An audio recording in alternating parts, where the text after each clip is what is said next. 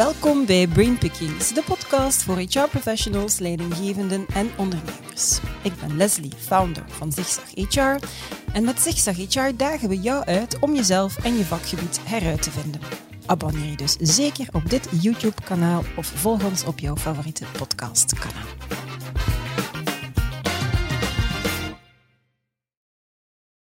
Van de pijlers uit de arbeidsdeal is het recht op deconnectie. Zo zullen ondernemingen met minstens 20 werknemers tegen 1 januari 2023 verplicht zijn om een CAO op te stellen, waarin de werkgever zich ertoe verbindt om medewerkers niet te contacteren buiten de werkuren. Tot op vandaag had een werknemer enkel het recht op overleg rond deconnectie, maar er was geen verplichting om hierover afspraken te maken. Hoog tijd is om het recht op die connectie nog eens onder de loep te nemen. En dat doe ik samen met Madeline Overtoom. Als HR-consultant bij Liantis adviseert ze bedrijven bij hun HR-beleid en in het kader van de arbeidsdeal hebben ze daar een heuse toolbox voor uitgewerkt. Het belang van leiderschap kan ik niet genoeg benadrukken, zegt ze.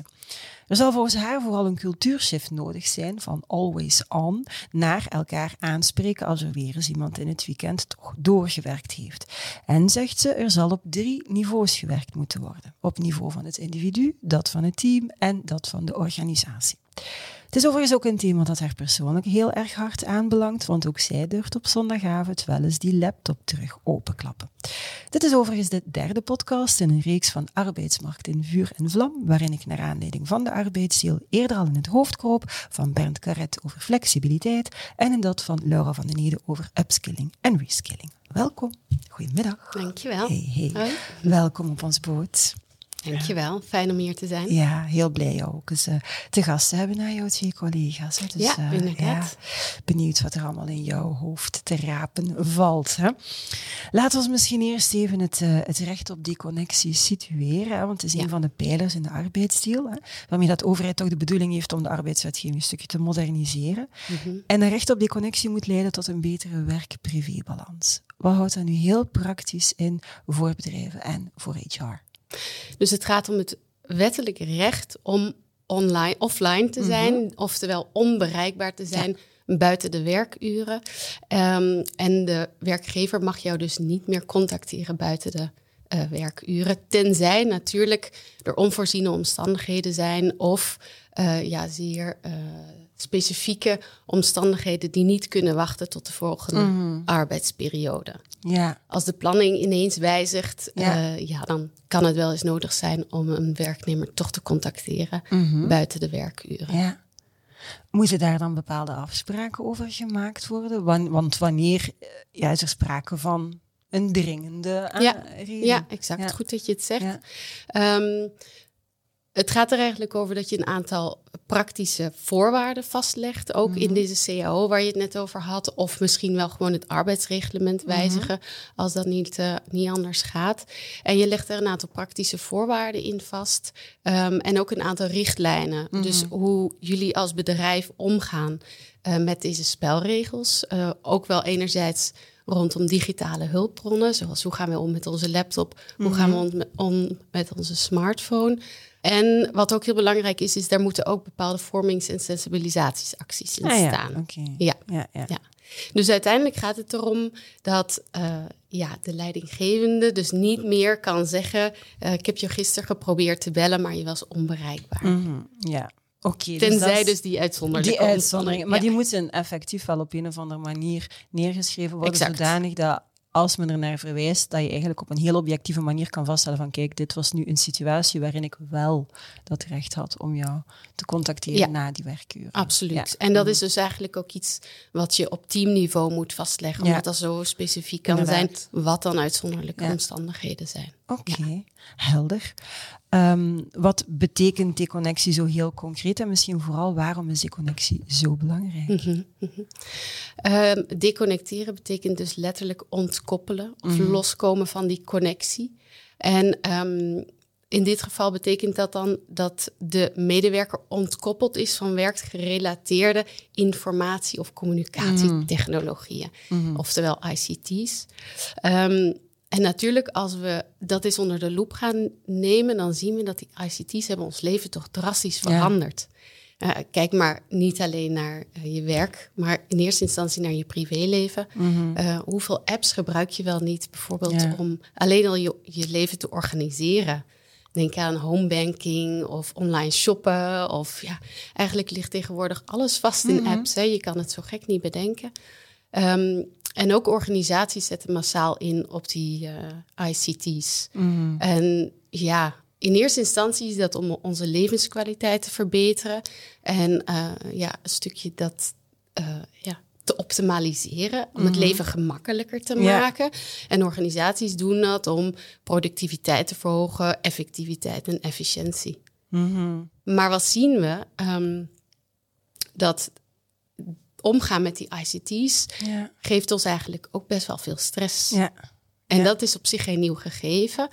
Um, want je kan er ook veel over terugvinden, over studies in midden jaren tachtig hadden ze het al over technostress. Mm Dus op zich is het niet nieuw dat we weten dat die ICT's ons ja, negatieve stress kan bezorgen.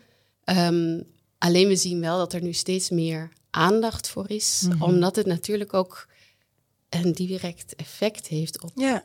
stress en hoe mensen daarmee omgaan.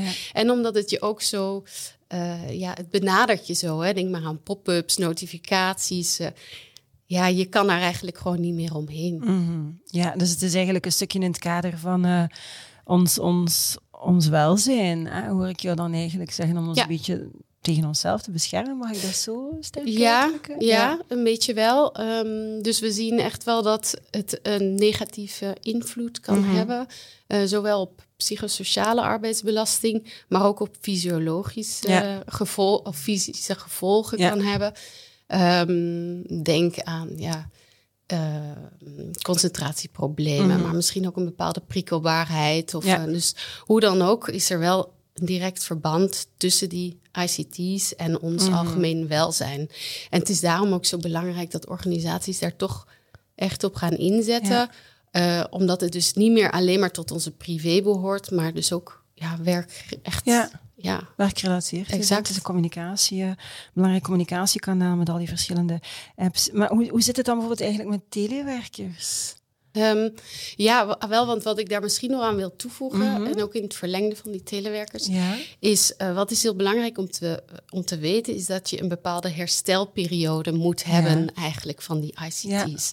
Dus mhm. op zich kan je daar wel mee omgaan, maar je moet wel de ruimte en de tijd mhm. krijgen om je lichaam daarvan te laten herstellen. En het is dat net wat vaak moeilijk is als je zegt, ik ga s'avonds toch nog werken. Mhm. Of ja, ik krijg mails van mijn leidinggevende of van mijn klanten uh, op mijn gsm en ik zit in de zetel of ik ben aan het ontspannen en ik word toch de hele tijd in dat werk weer getrokken. Ja. Dan heeft dat direct gevolgen op die hersteltijd. Mhm. En ja, dan bouwt dat zich op, hè, die negatieve effecten. Ja, en wat we natuurlijk bij telewerk zien, is de balans tussen werk en privé vervaagt. hè?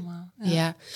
Um, het idee dat mensen dan een apart bureautje hebben, dat is ook niet voor iedereen weggelegd. Mhm. Heel veel mensen zitten gewoon aan de keukentafel of in de living te werken. En wanneer besluit je dan dat je werkdag voorbij is? Ja als je op kantoor bent en je ziet zo je collega's vertrekken. Of ja, in sommige bedrijven is er ook gewoon het verhaal van het is al vijf of vijf uur, we stoppen. Mhm. Maar thuis is die sociale controle er niet echt. Mhm. Ja. En dan heb je natuurlijk nog mensen met kleine kinderen die eigenlijk gedwongen worden om af te sluiten. Maar je vervalt van de ene taak in de andere, taak. En opnieuw geen recuperatie. Exact. Ja, ja, dus waar je vroeger wat trouwens niet per se positief was, maar waar je vroeger dan in de file stond, um, gaf ook wel weer stress. Maar mhm. had je wel ruimte om de dag eigenlijk. Veel mensen vonden dat eigenlijk dat, dat is wat ze misten. Hè? In het begin bij, bij corona is dat net wat ze zeiden van ik. Er waren er die dan om een duur een blokje omdeden. Of mensen die een eentje gingen fietsen om de werkdag te beginnen en af te ronden. Om gewoon die knop te kunnen omzetten. Ja, ja, ja, exact. Ja, en ja, als je dan bijvoorbeeld um, ja, toch je laptop in de, in de living laat staan. Dan blijft hij jou roepen. Ja, ja. dan, dan blijft hij jou roepen, kom nog even werken. Of mhm. en je hebt nog die mails nog staan. Uh, en dan, ja, dus voor telewerk is het eigenlijk nog moeilijker om te kunnen deconnecteren. Ja, zeg maar als je, en je geeft aan, het is belangrijk dat werkgevers daar heel hard op inzetten. Dus dat is een goede zaak dat dat meer bespreekbaar werd gemaakt. Maar die telewerkers, ze zitten dan thuis, hebben het moeilijker. Maar worden er dan specifieke initiatieven voor hen voorzien? Of hoe kan je er als werkgever dan voor zorgen dat zeker zij ja, dan toch die recuperatiemomenten gaan, gaan hey, het is, het is moeilijk om te gaan. Wanneer ga je controleren? Wanneer ga je bijna gaan betuttelen? En wanneer ben je gewoon een caring employer? Ja, ja. ja. exact. Dat is een kwestie van ook samen in gesprek daarover te gaan. Mhm. En ook goed te overleggen uh, ja, wat past bij die persoon en mhm. wat past niet. En het is gewoon geen one size fits all verhaal. Hè? Want wat voor de ene werkt, dat hoeft voor de andere dus helemaal niet te werken. Want er zijn ook wel veel mensen die uh, het juist prettig vinden om s'avonds nog hun mails te kunnen mhm. doen. Want net op die momenten, momenten worden ze niet gestoord, bijvoorbeeld. Maar toch vergeet dan die hersteltijd niet. Ja. Want het kan wel aanvoelen als, oh fijn, ik heb die mails nu weggewerkt. Mhm. Maar je blijft toch geconnecteerd. Dus je blijft toch op de een of andere manier nog bezig met je werk. En je ja, hebt toch minder tijd om te recupereren. Er zit er een bepaalde tijd aan dat je minimum moet incalculeren? Dat je in minuten bijna kan uitdrukken? um, ik ben gewoon aan mezelf aan het denken. Dus wanneer dat ik aan de mail zit en wanneer dat ik in mijn bed kom, dan denk ik van, wat is, slaap is recuperatie, maar heb ik daartussenin dan gerecupereerd? Hmm. ja. Dat hangt ook heel erg af van wat voor jou prettig is. Hè? Je bent zelf een ondernemer en wij zien ook dat dat bij ondernemers heel vaak anders ligt. Hè? Want dan ja, dan werk wordt echt een soort. Maar je hebt ook zelf de autonomie. Hè? Er is niemand die mij zegt dat ik dat moet doen. Ik ben. Ik, beslis, ik denk dat dat wel een groot verschil is. Ik beslis zelf. Ik voel geen externe druk van ik moet dat nog. Ja, je hebt keuzevrijheid. Ja, maar toch ook kan het wel zijn dat je op een gegeven moment het gevoel hebt dat je die keuzevrijheid niet meer hebt, omdat klanten bepaalde verwachtingen van je krijgen. Ja, mhm, oké. Eh, maar, dus, zo zwart-wit tijd, ja, dat is per persoon wel wat afhankelijk. Um, maar als je eventjes kijkt naar vroeger, waarin de, de dag gewoon werd afgesloten rond een uur of zes, omdat er ook bijvoorbeeld geen ICT's waren mm -hmm. om s'avonds door te mhm. werken. En dan heb je je avond en je nacht en dat zou dan toch moeten volstaan. Maar omdat wij dus die avond al niet meer hebben, mhm. heel vaak, omdat we dan aan het werk zijn. Of, ja. Uh, ja, een enkel slaap is niet voldoende, is niet voldoende om te recupereren. Nee. Ai, ai, ai. ik ga er toch ook zelf iets bewuster mee om. Ik denk van goed bezig, maar als ik jou dat nu net hoor vertellen, denk ik van dat er ook nog wel wat groeipotentieel zit bij mij. Um, nu is het recht op die connectie volgens jou dan de oplossingen? Gaan we hiermee dan mensen weerbaarder maken? Gaan we hiermee de stress en de werkdruk weghalen? Gaan we hier, met andere woorden, de kern van het probleem mee aanpakken? Ja, ja, goed dat je daarover begint, want louter afspraken maken rond die al dan niet gedeconnecteerd mhm. kunnen zijn, is, dat volstaat naar mijn mening niet. Um, deconnectie is ook heel persoonlijk, hè? want de ene persoon die vindt dat dus gewoon wel minder erg om s'avonds nog te werken, terwijl de andere daar weer heel veel stress van krijgt. De mhm. ene vindt het eigenlijk ook wel prettig dat hij nog berichtjes krijgt, de andere niet. Uh, of bijvoorbeeld uh, in jouw geval een zeer bevlogen ondernemer die ja, kan ervaart gewoon misschien wel minder stress om s'avonds mm dan ook nog te werken. Ehm, maar als we dan kijken naar uh, ja, werkgever, medewerker, mhm. relatie, ehm, is het toch wel heel erg belangrijk dat we het er wel over gaan hebben. Want mhm. uiteindelijk is er wel een verband ook met ziekteverzuim en burn-out. Maar misschien is het ook wel maar wat aan de oppervlakte, hè, die mhm. deconnectie. Want waarom moeten we eigenlijk deconnecteren? Of waarvan moeten we deconnecteren? Want wat een veel grotere stressfactor is voor mensen, is een hoge werkdruk. Mhm. Dus uh, ja, kan jij wel uh, om vijf uur naar huis gaan? Omdat je recht hebt op deconnectie. Maar als jij nog honderd ongelezen e-mails in jouw mailbox hebt, of je hebt nog drie lopende projecten die volgende week afgewerkt moeten zijn, mhm. ja, dan dan... Dat gaat, dat gaat de stress niet weg. Exact. Ja. ja. ja. Ja, dan dus... ben je dus alsnog aan het malen, aan het piekeren. Dus wat dat betreft zie ik dit echt meer als een opening om erover mhm. te praten. Maar lijkt het mij niet de oplossing. Mhm. En denk ik, um, uh, dat we dus ook wel kritischer gaan moeten kijken naar die werkdruk. Ik weet dat dat makkelijk praten is hier aan tafel. Hè? Ja, ja, ja, in de praktijk is het inderdaad. Ja. Ik zorg voor u, maar het moet wel af. Exact. Ja, ja, exact. Um, maar ik, volgens, ik, volgens mij gaan we ook heel vaak gewoon mee in die flow en staan we te weinig stil bij van oké, wat zorgt er nou eigenlijk voor dat ik zo'n hoge werkdruk heb? Mhm. Wat zijn de verwachtingen? En is dat eigenlijk wel realistisch wat hier van mij verwacht wordt? Ehm, en daarnaast geloof ik heel erg dat we veel meer aandacht moeten hebben voor het weerbaar maken van mensen. Mhm. En hoe mooi zou het zijn als we daar in het onderwijs al mee kunnen mhm. beginnen en onze jeugd al zou kunnen opleiden om om te gaan met stressoren in het leven of die er op je afkomt. Want eigenlijk, ja, we worden inhoudelijk wel uh, opgeleid om onze job te doen, maar al die soft skills, mhm. van hoe manage ik eigenlijk verwachtingen? Of hoe ga ik dat gesprek eigenlijk aan met mijn leidinggevende? Maar ook, uh, hoe ga ik om met mijn mailbox? Met die bodemloze mailbox, waar maar mails blijven komen, ongelezen vlaggen, wat dan ook. Wat moet ik daarmee? Mm Daar worden we eigenlijk of waar worden heel veel medewerkers echt nog te weinig in ondersteund. En ik denk dus dat, oké, we hebben dan die modaliteiten van, van in het arbeidsreglement, maar zie het ook als een opening voor een gesprek om daar afspraken over te maken, mhm. enerzijds, maar ook om kritisch dan naar die werkdruk te gaan kijken. En het opleiden en het weerbaarder maken van onze mensen. Van de mensen, ja. En ik kan me dan ook inbeelden dat er, dat is dan een andere component misschien nog, de hoge werkdruk heeft misschien ook te maken met de manier hoe het werk georganiseerd is. Misschien kan je dat wat simpeler maken of kan je mhm. taken uit elkaar halen. Dat bepaalde mensen die heel goed zijn in bepaalde onderdelen van die taak, dat zij dat doen. Ik, ik, volgens mij benutten we ook dat nog te weinig. Het werk gaan herbekijken, zodanig dat er wat druk weg is bij, bij bepaalde mensen en andere mensen die wat meer ruimte hebben of die gewoon heel sterk zijn in een bepaald deel van die taak, dat zij dat dan een stukje gaan hmm. overnemen. Ja, dat met die sensibilisering en opleiding, ja, maar ook ja, herbekijken van werk. Zeg, en ligt het probleem volgens jou dan ook niet gewoon bij de medewerkers zelf? Dus de werkgever kan heel veel initiatieven nemen, zoals je net zegt. Ja, wanneer jouw leidinggevende dan toch een mail buiten de kantooruren stuurt, dan wil dat misschien niet noodzakelijk zeggen dat hij verwacht dat daar een antwoord op is. Is dat misschien gewoon iemand die zegt van ik heb daar nu tijd en ruimte voor, ik, ik ga mijn werk zo organiseren. Dan staat dat klaar voor morgen voor mijn team. Mhm.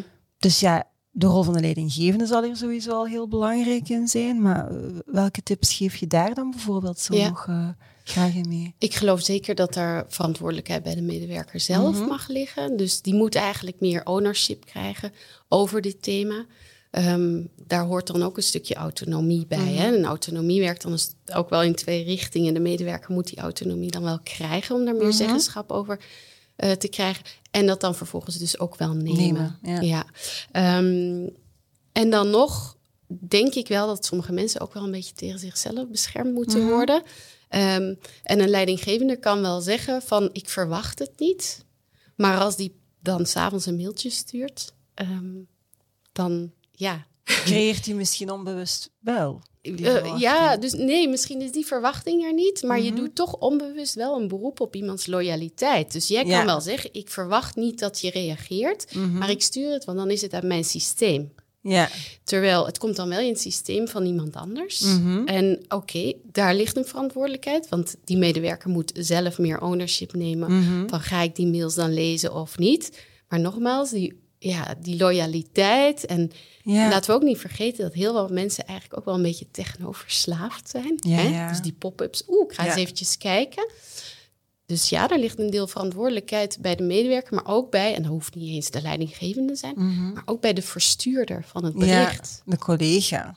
Bijvoorbeeld. Ja. Mhm. Dus eigenlijk is het wel heel goed om je wat meer bewust te worden mhm. van ik ga nu een mail sturen buiten de werkuren en moet dat nu op dit moment? Je kan dat perfect instellen in, uh, in Outlook wanneer die mail dan eigenlijk ontvangen wordt. Maar we denken daar niet over na. Want we denken dan is het tenminste weg uit ons systeem.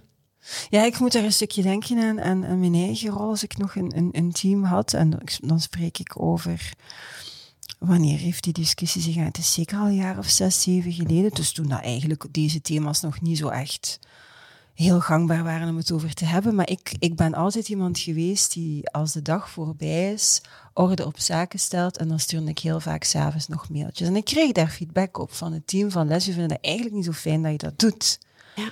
Dus ik dacht, oei, ik mag dat inderdaad niet doen, maar ik wil ze wel uit mijn systeem. Dus wat deed ik? Ik programmeerde het niet, maar ik zette ze in mijn conceptenbox. En dan dacht ik, ja, de dag nadien om negen uur zijn ze er fris aan monter en mag ik wel.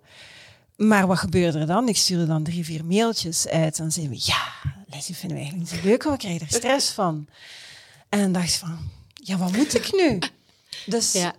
ik vond dat, hmm. ik heb daar eigenlijk heel veel mee geworsteld. Ik ben er eigenlijk ook nooit uitgekomen. Dan dacht ik van, ik ga ze in de loop van de dag uitsturen. Als ik er ben, ja, loop ik gewoon binnen natuurlijk en vraag het. Want heel veel dingen, als je samen zit, kan je het gewoon vragen. Hè?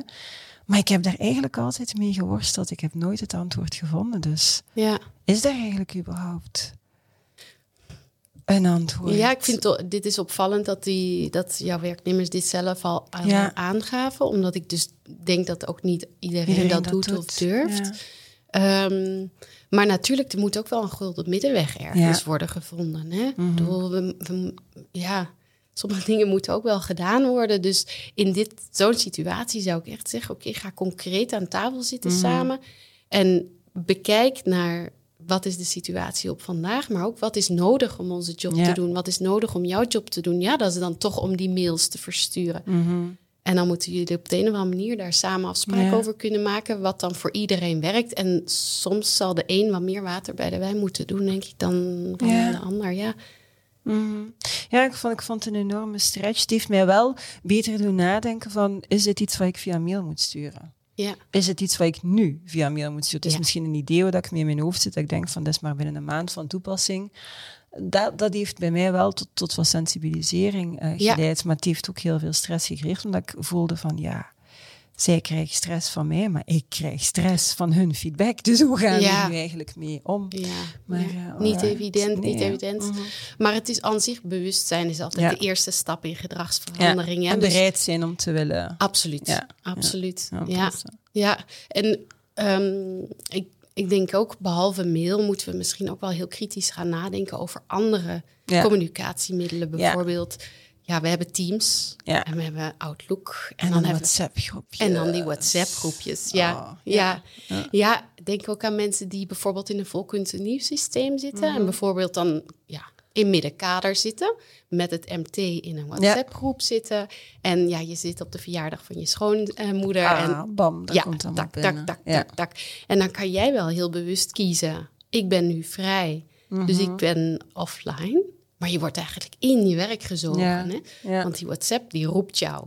Ja. ja, en niet alleen roept je. Ik bedoel, je hebt daar ook privécommunicatie. En dan denk je van, ik ga even checken. En dan komt daar gans die stroom vanuit ja.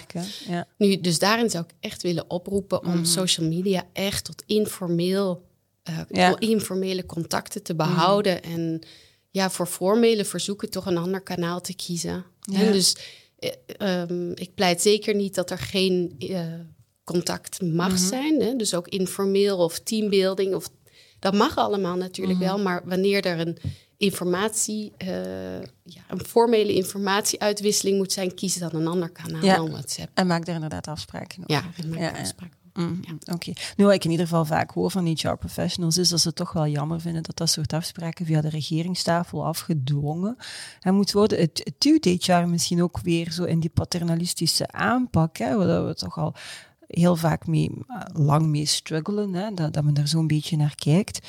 Kunnen we dan niet beter kiezen voor zo'n adult-to-adult, had iemand dat onlangs nog genoemd, mhm. eh, aanpak? Hoe, wat zijn jouw suggesties daar rond of, of, of wat vind jij daarvan? Um, het is ook wel een beetje door mijn hoofd geschoten van, mhm. hmm, is dit, dit gaat wel ver. Het kan misschien wel wat betuttelend zijn. Mhm. Um, dat is een heel Nederlands woord, denk ik. Uh, maar in ieder geval eh, wat uh, pamperen van de mensen. Hè? Dus ik, ik kan wel begrijpen dat, dat ondernemers of HR-mensen daar zo over nadenken. Maar aan de, andere kunnen we, aan de andere kant kunnen we ons ook afvragen... hoe komt het dat het zo ver is gekomen eigenlijk... dat we dus dit moeten vastleggen in een wet. Mhm. Dus dat we vast moeten leggen dat je niet buiten de werkuren verplicht bent om te werken of gecontacteerd te zijn. Ja. Blijkbaar ja, kunnen we het ook niet goed zelf managen? Mhm. Of het gegeven van die ICT kunnen we blijkbaar niet zo goed managen. En, en dan kom ik terug op een beetje die ja, technoverslaving mhm. en die behoefte om online te zijn of die ja, fear of missing out gevoelens. Ehm, dus ik zou de mensen ook uitdagen om ook eens naar hun privé te kijken over het gebruik van die mhm. Want uh, ja, als je continu op pop-ups reageert of ook alle apps jouw leven laat leiden eigenlijk, dan uh, ja, zit daar misschien ook wel gedragsverandering. En ik ben daar zeker van dat je dat dan wel door zou moeten kunnen trekken naar, uh, naar je de werk. Ja. Ja, ja, ja. Ik wil geloven dat er een kentering aan het komen is. Als ik naar mijn zoon alleen kijk, die is nu 22, 23 jaar. Ik hoop dat hij dit nooit hoort. 23 jaar. En die heeft dus ook op het moment dat hij begon te beseffen van hoeveel tijd dat hij eigenlijk kwijtraakte door op al die apps te zitten vanuit zijn privé context, heeft hij gezegd, ik gooi ze er even af. Ik ga mijn account niet afsluiten, dat was een, stap, een brug te ver. Maar ik gooi ze eraf en dan zie je hoeveel tijd dat je wint. En vaak is dat soort kleine experimentjes al voldoende, omdat dan, als je dat lang genoeg doet natuurlijk, denk je, ja, dat wel een twintigtal of langer dagen moeten doen, um, gaat er toch wel tot een gedragsverandering komen, die je dan ook in je privé en in je professionele context kan, uh, kan doortrekken. Dus ik wil wel geloven dat, dat mensen daar toch al iets bewuster hmm. mee bezig zijn, omdat ze zelf het discomfort beginnen te voelen van eh, mijn dag is weer voorbij en ik heb eigenlijk daar niet zo lekker gevoel ja, bij. Mooi. Um, die maatregel die geldt in ieder geval voor ondernemingen vanaf 20 werknemers. Ja. België is wel een KMO-land van pakweg 1,5 miljoen bedrijven, inclusief zelfstandigen, zijn er net geen 21.000 die minstens 20 personen in dienst hebben. Maar wie gaat over dat? Die net geen, zijn er net geen 21.000 liever die minstens 20 personen in dienst hebben. Ik vraag me dan af, wie gaat er, als je net zegt, ja, we hebben het zover laten komen, dus er moet ingegrepen worden. Ja, op deze bedrijven, op deze werknemers wordt er dan niet in, ingegrepen, op die kleinere. Wie gaat er dan voor hun? Hmm welzijnzorgen. Ja. Dus daar moet HR het dan wel ja. zonder die druk. Uh, ja, ik vind of dat... de, de zaakvoerder moet het dan wel maar zelf. Uh. Ja, ik vind dat dan zo jammer eigenlijk. Hè? Dat dat dan op die manier, alsof, alsof bedrijven daaronder dat dan niet nodig hebben. Um, want sterker nog, ik denk hoe kleiner je bent, hoe moeilijker het kan zijn om een afgeleid takenpakket te hebben. Hoe meer je bevraagd wordt. Ja, over, ja. exact. Mhm. En hoe meer die verantwoordelijkheden verschuiven of door elkaar heen lopen. Of, um, dus ja, ik zou zeker, oké, het is dan misschien geen wettelijke verplichting, maar ik zou zeker oproepen om ook aan een bedrijf met minder dan 20 mhm. werknemers hier toch rond de tafel te gaan zitten en om echt samen afspraken te maken van wat is voor mij haalbaar en wat kan voor mij wel. En wat mhm. verwacht aan de andere kant de zaakvoerder eigenlijk. Ja. Hè? Ja. ja. dus doen alsof dat ze eigenlijk mee in die wettelijke. Eigenlijk zou, zou je dat bijna moeten doen, maar zonder al de administratie die er uh, ja, ja. komt kijken. ja, is eigenlijk gemakkelijk dan. maar natuurlijk, ze kunnen ook wel een beroep doen op de externe mm. preventiediensten. Ja, ja oké, om daar een stukje... Die kan hun daar ook wel... Ja, dus als ze zoiets hebben, ik heb geen HR, hoe moet ik hier aan beginnen? Nu, uh, wij hebben uh, Liantis biedt een toolkit mhm. aan rond de arbeidsdeal. Dus dat is heel toegankelijk om te gebruiken, ook voor kleinere ondernemingen. en die helpt je al echt goed op weg met uh, modaliteiten, uh, bijlages voor het arbeidsreglement. Maar anderzijds kan je natuurlijk ook gewoon die externe preventiediensten inschakelen als je zegt, ik wil hier echt mhm. mee aan de slag gaan. Ja. Mm. Misschien een oproep dat ze dat toen effectief ook gaan mm. doen. um, hoe ga je er eigenlijk bij Liantis zelf mee om? Hè? Of, of uh, op basis van jouw ervaring bij klanten, hoe, hoe maak je dan dat, uh, als iedereen dan bijvoorbeeld uh, op de hoogte is daarvan, dat dat ook als, als ver gepercipieerd wordt? Wanneer ga je daar gaan bijsturen mm. bijvoorbeeld? Ja. Nu, Liantis is een bedrijf dat al heel sterk inzet op het welzijn mhm. van de medewerkers. Um, wij hebben ook minder een cultuur waarin het echt wordt verwacht dat je mhm. overuren presteert. Het kan natuurlijk wel gebeuren. Ja. ik werk ook wel s'avonds op op mhm. zondag. Uh, maar de verwachting aan zich is er niet. Dus dat is al een heel fijn en positief gegeven. En als je dan, uh, ja, die, wij noemen dat dan flexibiliteitsuren. Als je die dan toch presteert, kan je die ook in rust terug opnemen. Dus er wordt sowieso al heel erg ingezet op die rusttijd. Um, je moet ook verplicht voor eind september twee derde van je verlof bijvoorbeeld mhm. opnemen. Om toch te zorgen dat je genoeg kan recupereren in die hersteltijd. ehm, eh, ja, in acht neemt. Mhm. En binnen ons team spreken wij elkaar eigenlijk er ook op aan. Dus wij zijn al zo ver dat als we ontdekken dat de ander op een vrije dag heeft gewerkt, mhm. dat we elkaar tegen elkaar zeggen van was dat nu, ja, was dat nu echt nodig? Of kan ik iets van je overnemen? Of hoe kunnen we er samen voor zorgen ehm, dat dat zo min mogelijk gebeurt?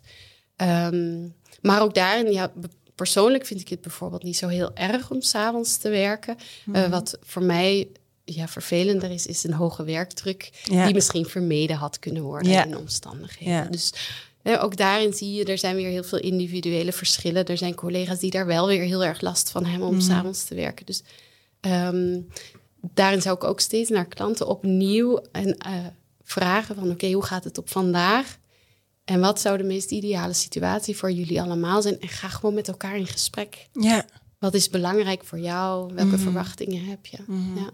Maar ik onthoud ook wel dat ze dan bij, bij Liantis uiteindelijk die verwachting er by default gewoon niet, eh, niet hebben. Dus dat het gewoon heel duidelijk is voor iedereen van kijk, er wordt doorgaans niet van ons verwacht als wij de deur sluiten, figuurlijk of letterlijk op het einde van de werkdag, dat uh, er wordt niet verwacht dat wij er nog naar kijken. Ik denk de mate waarin je erin slaagt als werkgever of als, als zaakvoerder of als leidinggevende om dat heel helder te krijgen. Ik denk dat dat al een, een heel essentieel dat, dat, dat in mensen dat die perceptie er al niet kan zijn. Dat wordt van mij niet verwacht. En als het dan gebeurt, dan is het heel uitzonderlijk en dan gaan mensen het doorgaans ook helemaal geen probleem mee hebben, omdat het net uitzonderlijk is. Ja, dat klopt. Maar ik denk dat er echt voor heel, heel veel bedrijven dat dat heel moeilijk is, want ik hoor zo vaak van we hebben een 40 uur week, maar wij werken allemaal eigenlijk 50 uur. en dat is dan ja, de cultuur. Ja. Dus dan is dat niet zo evident om als individu aan te geven van hm, eigenlijk zit dit mij niet lekker en eigenlijk wil ik mij toch beperken tot die 40 uur. Ja. Ehm, ja, of ik hoor ook voorbeelden van mensen die dan bijvoorbeeld om vijf uur naar huis gaan, waar dan de collega's roepen: Ah, heb je een halve dag verlof genomen? Dan is de cultuur echt niet veilig genoeg om mhm. dit gesprek aan, aan te gaan. gaan. Ja. ja.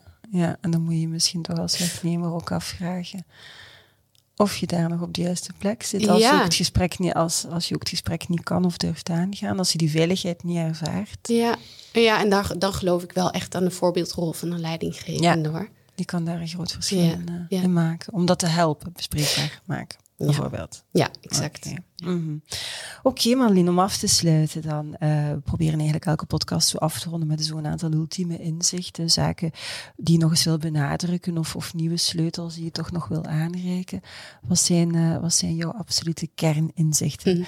die je graag wil meegeven? Mm, ik denk vooral dat het goed is om eerst heel kritisch zelf te kijken mhm. van... hé, hey, wat geeft mij nu eigenlijk dat stressgevoel? Is dat wel die deconnectie of die connectie? Mhm. Of is het misschien iets anders? Is het misschien die hoge werkdruk? Of is het misschien. En dus breng dat echt eerst voor mhm. jezelf goed in kaart. Ehm, en ja, probeer dat dan daartegenover de situatie voor je te stellen, wat dan ideaal voor jou zou zijn. Mhm. Ehm, en dat kan je dus zowel op individueel niveau doen als op teamsniveau, als ja, uh, organisatie. Dus mhm. sowieso ben ik voorstander van een organisatie moet een standpunt innemen rond, rond het gegeven deconnectie. Mhm. Zo staan wij erin en dit vinden wij daarvan. Ja. En daar kunnen een aantal uh, richtlijnen uh, onder vallen. Sommige bedrijven doen dat zeer zwart-wit, bijvoorbeeld mm een mailserver afsluiten. Ja. Ik ben daar minder een voorstander van, want dan is het geen keuzevrijheid meer of je gaat werken. Mm als je dan heel veel werkdruk hebt, nogmaals, denk aan een voorbeeld van mhm. die 100 e-mails. Ja. Ja. Dan mm. is dat geen, absoluut geen goede oplossing voor zo iemand. Ja. Nee, mhm. nee, dat lijkt mij. Uh, Ja, het is nogmaals, die keuzevrijheid is een zeer belangrijk gegeven. Die autonomie van die medewerker zelf. Kan ik hierover beslissen, ja of nee? En mag ik werken of moet ik werken? En dat is ook een heel groot verschil. Um, dus op organisatieniveau uh, kan je een aantal ja, mhm. initiatieven nemen, maar ik zou echt de, ja, de teams uitdagen ja. eigenlijk om samen rond de tafel te gaan zitten. Idealiter maak je dan je individuele voorbereiding hè, van oké, hoe zit ik erin? Wat is voor mij belangrijk?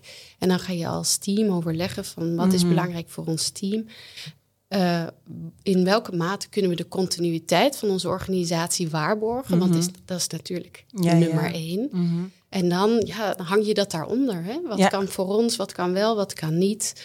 Uh, en daarin heb je elkaar dan ja, toch een stuk te respecteren hè, mhm. daarna. En als, als iemand uh, echt die behoefte heel erg heeft om gedeconnecteerd te zijn, dan ja, moet dat een stuk gerespecteerd worden. Maar er ligt dus ook zeker eigenaarschap bij die medewerker om dan ook ja, er misschien voor te kiezen om inderdaad een, een zijn eigen mailbox af te sluiten, bijvoorbeeld. Of een app van zijn uh, telefoon te halen. ja. Oh, ja. ja. Oké, dus daarmee heb je eigenlijk uh, in, in, in de afsluiting exact nog eens die drie verschillende niveaus belicht.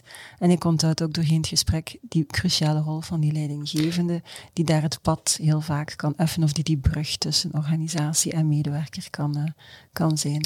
Absoluut. En misschien wel zeker nog om die ook wel een duwtje in de rug te geven. Want het is toch de leidinggevende waar heel veel verwachtingen altijd maar bij liggen.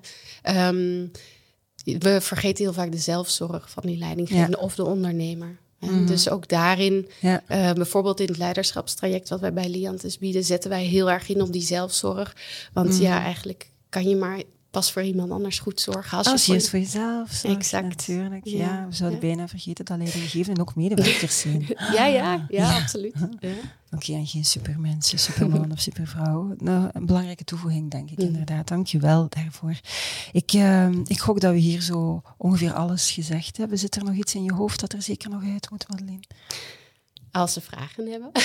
dan mogen ze, dan mogen ze altijd. Mogen ze zeker contacteren. Ja, ja want uh, we ja. uh, helpen daar natuurlijk heel graag bij om mee te denken met de mhm. ondernemer. Ja, en misschien een linkje naar de toolbox of zo. Hoe dat ze daar. Uh, ja. Want ik kan me wel inbeelden dat veel mensen zeggen, die dan zeker als ze dan in een kleinere organisatie zitten, van ik, ik wil wel eens kijken wat, wat daar precies allemaal de tips zijn, wat erin zit. Ja. Oké, okay, hartelijk uh, bedankt voor het heel helder gesprek. Ja, jij ook bedankt. Dankjewel ook uh, aan jullie om te kijken of om te luisteren. Vond je deze podcast fantastisch? Vertel dat dan natuurlijk aan zoveel mogelijk mensen verder. Heb je honger naar meer? Weet dan dat er op ons YouTube-kanaal nog meer dan 200 afleveringen te bekijken zijn. Of je kan ook via jouw favoriete podcast-app eens gaan luisteren naar alle andere afleveringen. Je zal er heel veel werk aan hebben. Ik hoop in ieder geval dat het jou niet te veel stress gaat opleveren. Het allerbelangrijkste, it's a great time to be in HR. Tot de volgende.